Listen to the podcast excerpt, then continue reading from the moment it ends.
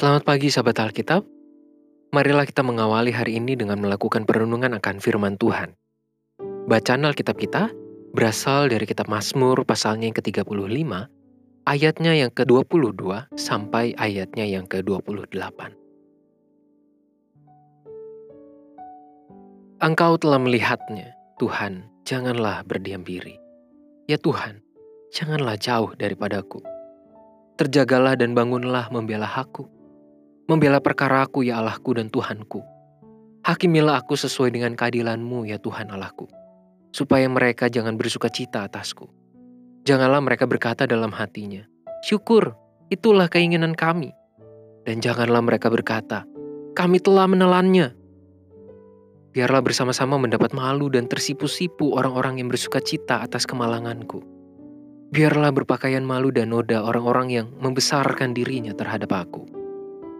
Biarlah bersorak-sorai dan bersuka cita orang-orang yang ingin melihat aku dibenarkan. Biarlah mereka tetap berkata, Tuhan itu besar, dia menginginkan keselamatan hambanya. Dan lidahku akan menyebut-nyebut keadilanmu, memuji-muji engkau sepanjang hari. Berada pada posisi yang lemah tentu tidak menyenangkan. Keterpurukan bukan sesuatu yang dapat dibanggakan di hadapan halayak ramai hampir dipastikan bahwa tidak ada seorang manusia pun yang secara sengaja dan secara sadar mengambil keputusan untuk hidup dalam ketertindasan. Seruan hati pemazmur dalam ayat-ayat ini sudah menunjukkan secara jelas mengenai kegelisahan dan keresahan hatinya sebagai pihak yang diintimidasi, diremehkan, dan dilecehkan oleh musuh-musuh di sekitarnya. Namun, iman dan pengharapannya kepada Tuhan tidaklah padam melainkan ia semakin memusatkan hati dan pikirannya kepada Tuhan. Permohonan pemazmur agar Tuhan segera bertindak perlu kita baca dengan lebih berhati-hati. Permohonan itu bukan sedang memaksa Tuhan agar bertindak sesuai dengan kehendak dan waktu menurut pertimbangannya si pemazmur, melainkan menunjukkan betapa besar kerinduannya sebagai manusia yang bergantung penuh kepada pertolongan Tuhan.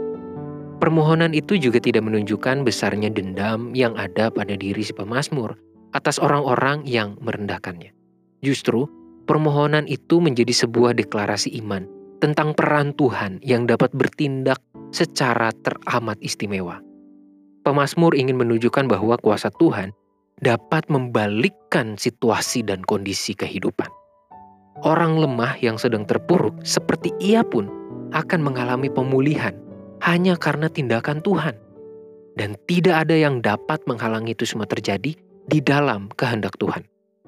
Sahabat Alkitab, Tuhan menunjukkan kasih dan kesetiaannya dalam keadilan dan kebenarannya bagi setiap umat yang tetap menaruh harapan kepadanya. Kiranya kita mampu mempertahankan iman dan percaya di tengah berbagai kesulitan dan susahnya perjuangan kehidupan.